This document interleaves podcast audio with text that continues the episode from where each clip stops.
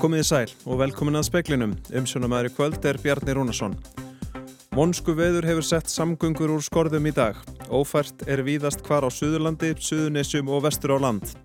Flugsamgöngur eru í flækju vegna veðusins. Áframhaldandi veðurofsi er í kortunum. Ferðamaður sem er strandaglópur á keflaugur flugvelli segir Æslandi er ekkert hafa aðstóða ferðalanga sem séu fastir þar. Forstjóri flugfélagsins segir stöðuna í millilandaflugi afar krefjandi. Allt verði gert til að koma farþjóum á áfangastæði sína. Formaður starfsgrunarsambandsins fagnar samþygt 17 félaga innan þess á nýjum kjærasamningi. Þar hafi náðst að verja kjörverka fólks í landinu. Hann harmar að formaður eblingar hafi beitt sér gegn samningnum en félagsmenn hafi sagt skoðun sína. Mikið hefur mætt á björgunarsveitum í dag vegna norðaustan kvassviðris, sér í lægi á Suðunissum. Fjöldahjálparstöðar eru opnar í Reykjanesbæ. Allar leiðir til og frá höfuborgarsvæðinu eru lokaðar, sem og Grindavíkurvegur og Suðustrandavegur. Þá er Öksnadalsheiði, Stengrímsfjarrarheiði, Þröskuldar, Dinjandisheiði, Mývasörafi og þjóðvegurinn frá Jökulsárlóni og vestur að Markarfljóti lokaðir. Eins er óf ófært frá Hellu og til höfuborgarinnar. Snjór og vindur hefur ekki aðeins sett samgöngur og skorðum á vegumúti, heldur einnig millilandaflug. Pétur Magnússon, fréttamaður, er í leifstöð Já, Pétur, hvernig er staðan þar núna? Jú, Bjarni, staðan er uh, óvenjuleg. Hér er, hér er sannlega meira um hundruðir uh, manna sem býða eftir rútu í burtu. Það var hægara satt gert fyrir okkur að komast hingað. Eftir því sem við nálgumst Reykjanesbæ þá var erfiðar og erfiðar að komast vegur okkar. Mikið af bílum fastir í kantinum en, en hér fyrir utan flugstöðuna er veðrið slæmt. Hér er rók og kallt og það er líka kallt hérna inn í flugstöðinu. Ég hef verið að tala við fólk sem hefur setið hérna fast sen í morgun, margir hverjir, sumir í, í, sen í gær og jafnvel uh, sumir í, í alltaf þrjá daga. En uh, fólk er hér því að kallt, það er svangt og það er já, margir hverjir pyrraðir yfir já, skort og upplýsingum. Eh, það er kannski það sem, það sem verðist fara mest í tögunar af þeim sem sitja hérna fastir. Þau skilja veðrið, það er ekkert að gera því en, en það er ósátt með hvernig hefur brúist við því að það skul ekki vera upplýst, að það skul ekki vera neitt mat að fá hér eða, eða neitt að drekka. Þannig að það er kannski það sem er helst að, að trubla fólk hér í leftu. Það er mitt, greinlega mikil flækja. Þú fylgist áfram með þessu, Pétur Magnússon. Takk fyrir. Það verðist vera lítið lát á þessu óveðri. Birta Líf Kristinsdóttir veðfræðingur, já, er þið farin að sjá fyrir endan á þessu? Nei, ekki enn. Það er rauninni bara að bæta í ef eitthvað er, þá sérstaklega á Suðvesturhóttinu núna í nótt og á morgun. Síðan er einnig að bæta í á norðaustanverðulandinu í fyrramáli en þá bætast við eh, norðaustan hríðar viðvaranir og það er rauninni allt landi undir þanga til annað kvöld þegar viðvaranna fara að detta út ein af annari. Og hvernig er svo útlitið síðar í vikunni? Síðan halda áfram norðlegar áttur hjá okkur en mun hægari heldur en í dag og morgun og það er herða á frosti hjá okkur og áframhaldandi jél fyrir norðan og austan en það er útlitt fyrir að verði bara nokkuð bjart suðu vestan til núna bara útveikuna. Þannig að það er viðbúið að samgöngur að fara eitthvað á skorðum áfram? Já, núna í kvöld og á morgun þá er það alveg viðbúið og fólk ætti að gera aðstafni fyrir því. Einmitt, við fylgjast vel með þessu. Takk hjá Reknaður með að hægt verði að opna regnesbraut á ný innan tíðar. Þá eru rútur sem byðu þess að ferja farþega úr lefstöð til Reykjavíkur lagðar að stað. Að sögn G. Péturs Mattíassonar, upplýsingafulltrúa vegagerðarinnar, er að öllu líkjendum stutt í að Reykjanesbraut verði opnuð á ný, þótt hann telji vissara að fullir það ekki um tímasetningar. Brautinni var lokað í morgun vegna ófærðar. Við vinnum að því höfum hóndum að geta opnað hana Við erum núna að vinna í því að móka mikinn snjó sem er á fráreinum. Hann segir vennjuleg snjómokstustæki ekki hafa dugað til verksins og því hafi þurft að útvega annars konar tæki til mokstursins. Ég held að þessir síðustu dagar síni það að það er ekki gott að segja til um hvernig okkur tekst að opna. 11 rútur byðu þess síðdeis að ferja farþega úr leifstuð til Reykjavíkur. Að sögn Péturs eru þær núna lagðar af stað, þrátt fyrir að Reykjanesbraut sé enn ekki opinn fyrir almenna umferð. Rúturnar aka í einni lest með fyllt. Fleiri rútum í Reykjavík verður síðan ekki til Keflavíkur til að sækja fleiri farþega sem eru strandaglópar á flugvellinum. Gunnhildur Keról Birgistóttir tók saman. Nú mikill fjöldi nýtti sér fjöldahjálparstöð sem var opnuð í Reykjanesbæ í dag að sögn Odds Freys Þorsteinssonar fjölmila fulltrúa Rauðakrossins. Flestir hafi sennilega komið þangað eftir að hafa orðið veður teftir á leiðinni til eða frá Keflavíkuflugvelli. Og öllu millinandaflugi um Keflavíkuflugvelli í dag var aflýst í morgun. Þúsundir eru fastar í leifstöð þar sem allar leiðir til og frá flugvellinum eru lokaðar vegna ófærðar. Írskur ferðamaður sem var strandaglópur í flugstöðinni segir Æslandi er ekkert hafa aðstóða ferðalanga sem séu fastir þar. Charles O'Hanlon segir yfir þúsund manns vera í brottfarar og komus að leifstöðar og það sé mjög kallt. Ung börn sofi á gólfinu. Hann segir Æslandi er ekki hafa veitt ferðalöngum neitt stuðning og kvorki bóði fólki matn í gistingu. Flugfélagi hafi tilkynnt farþegum að þeir geti fengið gistingu endur greitað fullu en enginn sé á flugvellinum að hjálpa fólki að finna þá gistingu. Fyrir utan það séu alla leiðir til og frá flugvellinum lokaðar. Iceland Air has provided no support, no food, no accommodation. They have not provided any support at all. Aðspurður segir Charles að Rauðikrossin hafi átt aðstofa farþega á flugvellinum en engin hjálp hafi enn borist frá þeim. Í brottfarar og komusalnum er ein búð og eitt kaffihús. 50-60 manna raðir séu á báðum stöðum. Charles er á leiðinni til Dublin og kom frá Baltimore til Íslands í gerkveldi. Hann segir að Íslandir hafa bókað sér í flug á morgun en í stað þess að fljúa beint til Dublin sem tekur 2,5 klukkutíma fljúa hann til Frankfurt og Kaupanhafnar og þaðan til Dublin.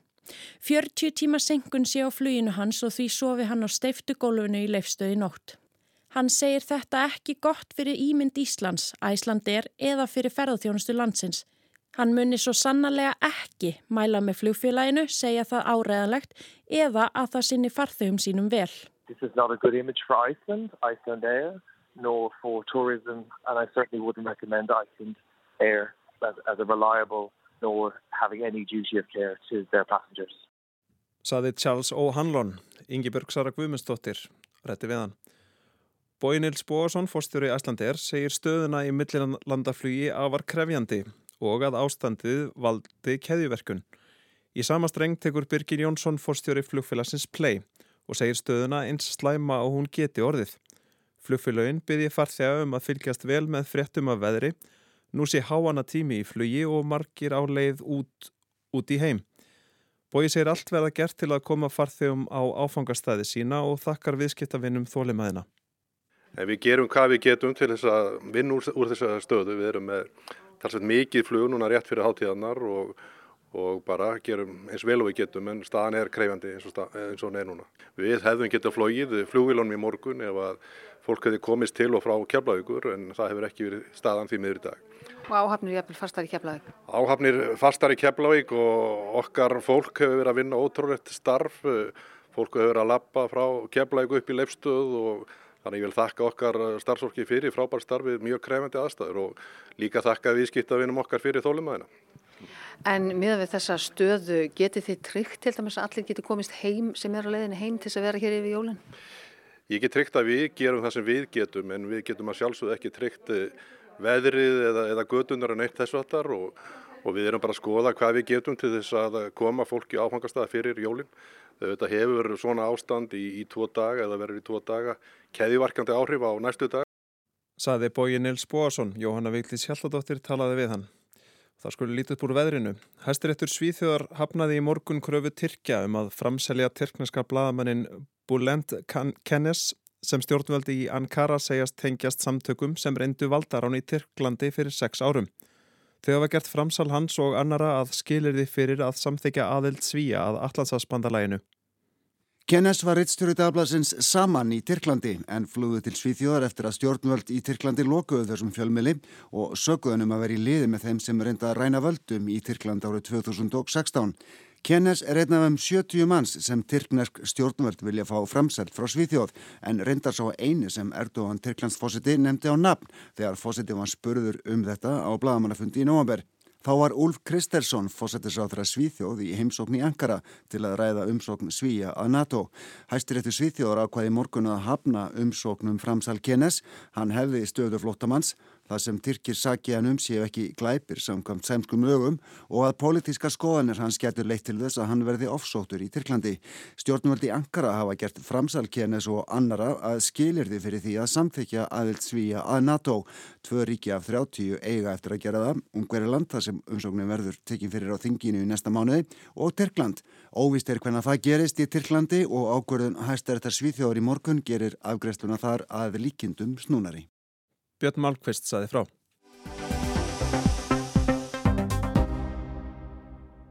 Í hádeginu lauk atkvæðagreðslu hjá 17 félögum innan starfsgreinasambandsins um kjærasamning sem skrifað var undir 3. desember. Hann var samþyktur af um 86% þeirra sem greittu atkvæði, 11% voru á móti og 3% tók ekki afstöðu. Vilhjálmur Birgisson, formaður starfskarina sambandsins og verkalýsfélags Akranes, fagnar niðurstöðinni. Hún er svo sannarlega afgerandi og ef ég tek öll aðildarfélög starfskarina sambandsins vitt og breyttur landið sem að skilu umbúði til sambandsins sem eru 17 aðildarfélög að þá er kjærasamningurinn samþýttur með tæmlega 86% greitra atkvæða sem að ég verð að leifa mér að segja eru bara fram úr okkar björtustu vonum. Í kjörsóknin er eitthvað um 17% sem er ekki mjög hátt hlutfall. Nei, það er, er réttjóður, er, er tæmlega 17% en þegar við gengum frá lífskjærasamningnum 2019 þá var kjörsóknin innan við 13% þannig að það er meiri kjörsókn núna heldur en var e, í lífstjæra samningnum þannig að þetta er aðeins upp á við en ég skal alveg fúslega viðkjanna það að maður hefði viljað sjá meiri kjörsókn heldur en þetta. Þetta var fyrsti samningurum sem gerður var í þessari samningalótu. Vilhjálmur segir að menn hafi leiðundi miklu ámæli fyrir gerðans, til dæmis frá eblingu. Það sem að hefur verið reynd að afvegaliða umræðuna. Það hafa verið sendar út álíktanir á sömu mínút og kostningarnar okkar voru að hefjast. Mitt mat er að þetta var gert til þess að reyna að hafa neikvæð áhrif á niðurstöðu þeirra kostningu sem við vorum að hefja á sínum tíma. En núna er bara stóri dómur um fallin og það eru félagsfólki sjálft sem að fellur þennan dóm og samþykir þennan kjærasamning með yfir knæfandi meirluta það er bara í anda þess sem að e, við fundum þegar við fórum inn á vinnistæðina að kynna kjærasamningin. Fólk var almennt mjög ánægt með innihald samningsins. Þetta eru umtalsverðar launahækkanir sem er að koma til framkvæmda frá og með fyrsta nógumber þannig að það þarf að leiðrétta laun aftur í tíman. Þetta er fyrsta sinn sem það gerist að fólk tapar ekki launahækkunum vegna dráttar á því að eh, við náum ekki að ganga frá kjærasamningi frá því tíma sem að sá eldri rennur út. Og hér er, eh, eru kauptækstættan okkar að hækka um alltaf 52.000 krónur, fiskustu fólk upp í alltaf 70.000 krónur. Og þetta er í raun og veru bara krónutölur sem við höfum svo sem ekki kynnt áður fyrir okkar félagsmannum og við tala nú ekki um þar sem um skamtíma sannum erum að ræða. Samningstímin er rúmt ár, út januar 2024. Ákveði var að semja til skamstíma vegna óvissu jefnagsmálum, verðbólka mikil og vakstastig hátt. Vilhjálmur segir unnið með verðbólkusspá Seðlabankan sem er kringum 6% næstu 12 mánuði. Krónutöluhækkanindar sem sami var um séu um 11,6% hækkun á kauptökstum að meðaltali og þannig takist að verja kaupmáttin þó svo að vissuleg við tengin hver þróunin verður. Ebling sem er stærstafélagið innan starfskarina sambandsins kausa halda sér utan samflótsfélagi því og á enn ósamið. Vilhjálmur segist óska eblingu velfarnaður í að ná samningi fyrir sína félaga. Það sé sjálfstæður réttu hvers félags að há kjara barat á sínum forsendum. En trúðu mér, eitt er víst að ég sem formaði starfskunarsambands Íslands mun aldrei reyna að hafa áhrif á kjærasamningsgerð annara stjættafélaga sem að hafa tekið ákvörðunum að vera ekki í samflótinu með okkur eins og ebling gerði. Það kjærasamningur sem þau muni gera verður bara ábyrð þeirra og gangi þeim bara sem allra best. En ég mun ekki skrifa hér greinar og reyna afvega leiða það sem að þau verða að gera til að reyna að skemma fyrir þeim. Svo mikið vist. Og hann vísar því á bug að samstæðan hafi brostið og ebling hafi verið skilin eftir út í kuldanum. Það var þeirra ákverðunum að vilja semja einu sér og því er það eiginlega grátt broslegt þegar við erum að tala um samstöðu leysi og það hjá félaginu sem að tóka ákvörðun um að skila ekki inn samlýsumbúin og vera með okkur í þessari baróttu sem við vorum að, að heia við aðrurreikundur. Það, það liggur ábyrðin bara hjá þeim. Tímin verða leiða í ljós hver áhrif þess ágreinings innan starfsgreina sambandis verða ef nokkur. Baráttu fyrir bættum kjörum sé hvergi lokið samstæðan hjá þessum 17 félögum sem komaða samningnum sé mikil, næsta verkefni að semja við ríki og sveitarfélög og svo að undurbúa nýjan samning frá næsta hausti. Ég skal ekki segja til um hvort að þetta sé einhverja nýja væringar, það er svo sem ekkert nýtt þótt að borustuminni verkalisefingunni e, takist á en það sem að mér finnst vera nýtt í þessu er það að aðildarfélag sem að tekur ábyrnum að vera ekki með skuli vera gaggrína það sem að aðrir gera í ljósi þess að það var þeirra ákvörðun um að vera ekki í þessu tiltekna samflóti sem að þessi 17 aðildarfélag hvers að gera. Saði Vilhelmur Byrkesson. Anna Kristín Jónsdóttir talaði við hann.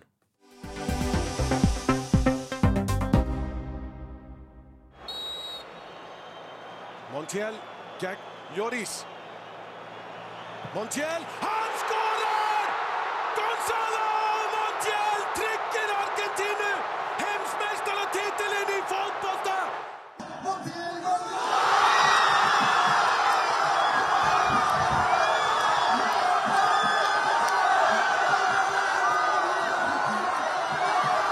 Argentína er heimsmeistari í fótbolta Karla í þriðja sinn eftir frækin sigur í vítaspyrnukeppni gegn frökkum í gær. Lionel Messi fyrirliði Argentínu lifti byggarnum í klættur svo kallari byth skikju sem emriinn af Katar, Tamim bin Hamed Al-Thani, færði Messi áður en hann fekk kullknöttin afhendan. Í Arabalöndum er skikjan merki um mikla upphefð og auðleif þess sem hennið klæðist. Mörgum þótti þetta skjóta skökku við segja aðtafið tákrænt fyrir mótið í heilsinni en það hefur verið gaggrínt harðlega að mótið hafi verið haldið í Katar í skugga marnitindabróta og skorts á tjáningafrelsi. En sigurinn er Argentínumönnum kærkomin engu að síður. Argentína varð síðast heimsmestari árið 1986 fyrir liðlega 35 árum og á hverju heimsmestramótinu á fætur öðru hafa vonbriðin verið mikil hjá liðinu og ekki síst hjá þjóðinni sem beigð og vonaði. En gleði þjóðarinnar er þeimun meiri nú þegar titillin er þeirra.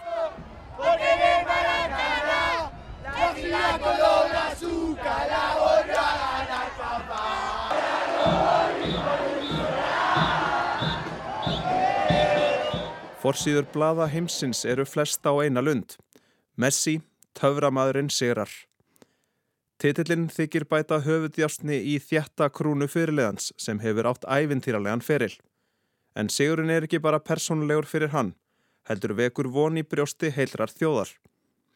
Hólmfríður Garðarstóttir, profesor í spænsku og suður amriskum bókmentum og menningu við Háskóla Íslands, segir sigur Argentínumanna sérlega kærkomin fyrir þjóð þar sem fótbolti hefur meiri þýðingu en flest annað. En hvers vegna jæðrar fótboltin við trúabröð í landinu? Það tilheyra eða fylgja allir einhverjum liðum og það er svona næstu því eins og átrúnaður að þú tilheyrir í Bónus Æris er það náttúrulega bókaliðið og svo, svo River Plate og það fer eftir stjætt, það fer eftir búsetu, hvar og hvernig þú ert alveg upp. En svo þegar kemur að því að búa til landslið að þá gleynist allt þetta. Og þessi samstafa sem skapast, hún nær eiginlega yfir, hún nær yfir stjætt og hún nær yfir stjórnmál sem eru mjög svona grimm oft í Argentínu, ef þú tilher einhverju stjórnmálaflokki að þá er það svona eins og annar átrúnaður eins og fótbóltinn er stundum. En þarna ferðu eiginlega yfir allt það. Og sama á við um kynnslóðunar eins og maður sér bara að þeir eru alltaf með börnin sín á, á handlegnum að verða að reyna að brjóta niður þessan aðskilnað og þessa flokkadrætti sem eru. En svo er þetta líka sérstaklega mikilvægt núna af því að það hefur ástandi í Argentinu sem er nú kannski ekki nýtt, hefur verið sérlega erfið. Efnags ástand er snúið, gjaldmiðlinn þeirra er einskis verði, þannig að fólk hefur átt einhvern veginn svona snúin ár og þá kemur þetta svona eins og við getum víst. Við erum mikil svirði og okkur tekst að gera ef við saminum kraft okkar það sem, að, það sem velum okkur. Svo er það aða leikarin sem allar myndavilar beinast að, Lionel Messi. Hvaða sess skipar hann sér í hjörtum Argentinumanna eftir þetta heimsmestramót? Verður hann hafinn upp til skíjana líkt og Maradona heitinn? Hann fer mjög nálagt í. Maradona er náttúrulega bara er eins og alþjóðbyrjingur. Það er bara átrúnað. Fólk er með myndir af honum heima hjá sér og aðrir eru með pávan og, og hinnir eru með einhvern ákveðin fósetta þjóðhöfningi sem þau hafa haldið upp á. En, og Messi fer alveg þar. Líka því Messi kemur frá Rosario sem er lítil í gæsalöpum borg sem satt út á landi.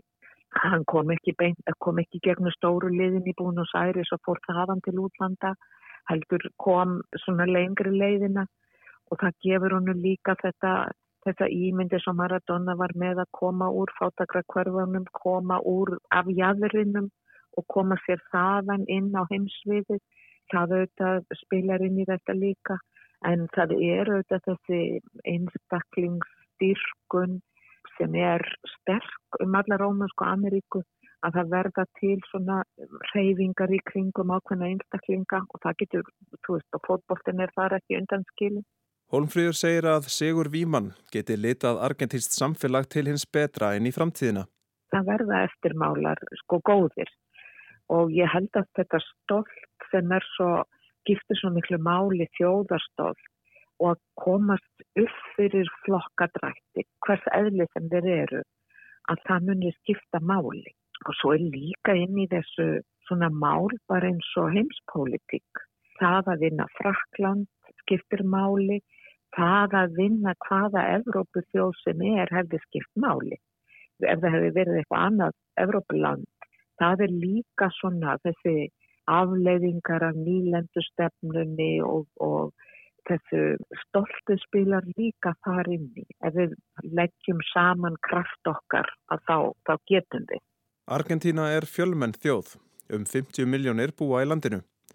Hátt hlutfall íbúa á upprunarsinn í Evrópu á nýlendu tímanum í samanburði við önnur Suður-Ameríkulönd. Landið byggist aðalega á hráfuruframlegslu, landbúnaði og yðnaði, auk ferðarþjónustu. Landið átti sitt blómaskeið í lók 19. aldar og upphafi þeirrar 20. En efnahagurinn er brjósóttur í landinu. Síðast þegar Argentína varð heimsmestari eröðið 1986 var annað andrúsloft í landinu, segir Hólfríður. Þá hafði herfóringastjórn nýlega farið frá völdum.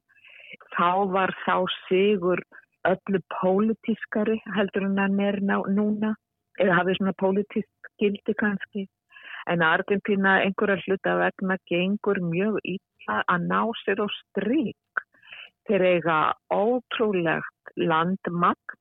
Þeir eiga alls konar auðlindir í jörðu en þeim tekst einhvern veginn illa að koma málum þannig að allir íbúar landsins njóti þess. Og eins og annars það er í álfun er mikil misskipting en þó eh, nýtur Argentina þess að það er mjög stór millistja í landinu og sem er svona eins og svampur á milli, auðuga hlutans og þess allra fátækasta. Dettskiptingin er þar eins og um alla álfuna gríðarlega ábyrrandi og skapar fólki ákveðin stað sem að það er mjög erfitt að komast á milli stjætta og fótbóltinn þess vegna þjónar ákveðinu hlutverki eða líta fram hjá því. Nún eru bara allir nýra á 7. júlígötu þar sem að óvelisko þarna turnin er og þá skiptir einhver máli úr hvað stjættur stöðu kemur eða á hvað aldrei þú ert. Það er eitthvað saminast í því.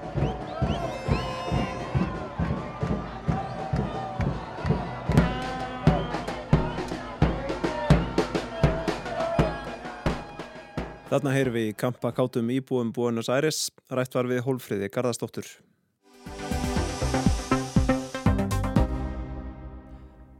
Ólæti og áhuga leysi barna í Nóriði verðist hafa aukist mikið eftir faraldurinn. Helmingi fleiri börn en áður enda með ADHT-greiningu og jafnverð lif. Þetta veldur deilum og það eru fyrst og fremst sálfræðingar og aðrir sérfræðingar sem efast um allar þessar greiningar. Gísli Kristjánsson segir okkur frá umræðinu um þessi mál í Noregi. Það eru fyrst og fremst sálfræðingar og unglingageðdeldum sem vara við þróuninni og rannsóknir við háskóla virja stiðja evasemtirnar. Þetta er viðkvæmt mál og oft bundið tilfinningum. Eru börnin bara óþæg og með læti heima og í skólunum eða eru þau ofvirk? Hafa foreldrar og skólar til þessa hort fram hjá sálrænum vanda sem hrjáir hluta þjóðarinnar. Vandin núna loksins viðurkendur eða er ADHD orðin tísku sjúkdómur og allir sem vilja heita menn með mönnum verða sér út um greiningu, um ofvirkni og aðteglisbrest. Þetta stiðst líka við tíðar frásagnir í fjölmiðlum um fólk sem telur sig hafa frelsast úr ánöð með greiningu og réttri meðferð. Það er þá alltaf ofvirknin og aðteglisbresturinn sem háði mér, segir þar. Umræður og deilur hér í Noregi um greiningu á ofvirkni hafa magnast í kjölfar pestarinnar af völdum COVID-verunar. Það kemur nefnilega ljós að tvöfall fleiri börn fá nú greiningu en var árið 2019 áður en að veiran kom. Hefur hugsanlegt smitt haft þessi áhrif eða eru aðrar skýringar tiltækar og þetta á sérstaklega við um börnin. Við rannsóknir hjá háskólanum í þrántheimi hefur komið í ljós að fæðingardagu barns hefur áhrif á greiningu á ofvirkni og aðtiklisbresti. Þannig að börn fætt senkt á árinu er líklegri til að fá greiningu og jafnveg líf en börn fætt í upphafi ás. Börn fá greiningu á fyrsta ári í skóla og þau eru þá mjög mísefnlega á veg komin í þroska. Það er næri ásmunur á barni fættu snemma ás og öðru fættu í áslokk mikill munur á aldri þegar barn er aðeins 6 ára. Þetta getur byrst sem aðtiklisbrestur og ávirkni hjá yngstu börnunum því þau ná ekki að fylgja þeim eldstu eftir í skólastarfinu. Niðurstaðan getur því verið að barnið greinist með aðtiklisbrest og fær lif. Hópur barnasálfræðinga hefur vakið aðtikla á þessari niðurstöðu frá þrántemi og líst vandanum ítalegi grein í aftunpostin. Óskur um greiningu séu raun óþarfar ef tekið er tillit til þess að börnin eru mjög missefnilega á vegi stött í þroska og að þessi munur jafnast út af sjálfu sér með árónum. En það getur reynt á þólrif kennara að kenna í bekk þar sem sumir fylgjast alls ekki með. Hér í Nóri er líka gaggrind að þú af einfalt sé að verða sér út um greiningu fyrir barn. Barnasálfrænga ná ekki að kanna hvert tilfelli og því er greining oft byggð á upplýsingum frá foreldrum og kennurum. Eru upplýsingar byggja á huglægu mati vegna þess að barnið er annarkvort með ólæti eða er utanveldu. Líf skila skjótum árangri til að leysa vandan en önnur meðferð og aðstóð í skólastofunum er seinvirk. Hegðunarvandin virist meiri núna eftir að pestin gekk en var fyrr. Þetta er að hluta raki til þess að skólum hér í landi var almennt lokað í nær tvö ár meðan óttin var mestur við alvarlegan faraldur. Börnin voru heima, oft með foreldrunum, úr var allserjar agaleis og með tölvuglápi og engu námi. Núna þurfu börnin að sætta sig við strangar reglur í skólastarfi og reynist það erfitt. Þetta er í það minsta svo skýring sem dregin er upp hér í fjölmiðlum. Hér hefur lokun skólana alltaf verið gaggrínd og verið talin óþörf og því er að sjálfsögðu umdelt hvort foreldrar og kennarar geti bara fyllt út eigðublað og beðið um greiningu og jafnvel liv til að ráða við hegðunarvanda sem á sér aðra orsök en frávik í andlegum þroska barnsins. Með þessum hætti má segja að fjölgun greininga á ADHD eigi upphaf sitt í pestinni, ekki vegna þess að börnin hafi síkst, heldur vegna þess að nám og skólastarf fór úr skorðum. Niðurstaða sálfræðinga sem gaggrína stöðuna er að það sé ekki einleikið að fjöldi barna með ADHD greiningu hafi tvöfaldast á þremur árum. Hvaða þessu eru bara hefðbundin ólæti sem rjáttlast af börnunum með árunum og hvað eru önvörlugur vandi þar sem greiningar er þörf og jafnvel livja. Og lítið þá aðeins á veðurspá. Norðaustan 15 til 23 metrar á sekundu en 20 til 28 á Suðausturlandi. Jæljagangur norðan og austalands annars yfirleitt þurrt en allvíða skafræningur. Frost 0 til 7 stygg. Fer að draga úr vindi annað kvöld. Það er appilsinu gul vefurinn í gildi á Suðausturlandi til morguns og gul vefurinn á landinu öllu um hátægispil á morgun. Það er ekki fleira í speiklinum í kvöld. Tæknumæður var Mark Eldredd. Frett átsendingu stjórnaði valgerðu Þorsteinstóttir. Njóti kvöldsins og veriði sæl.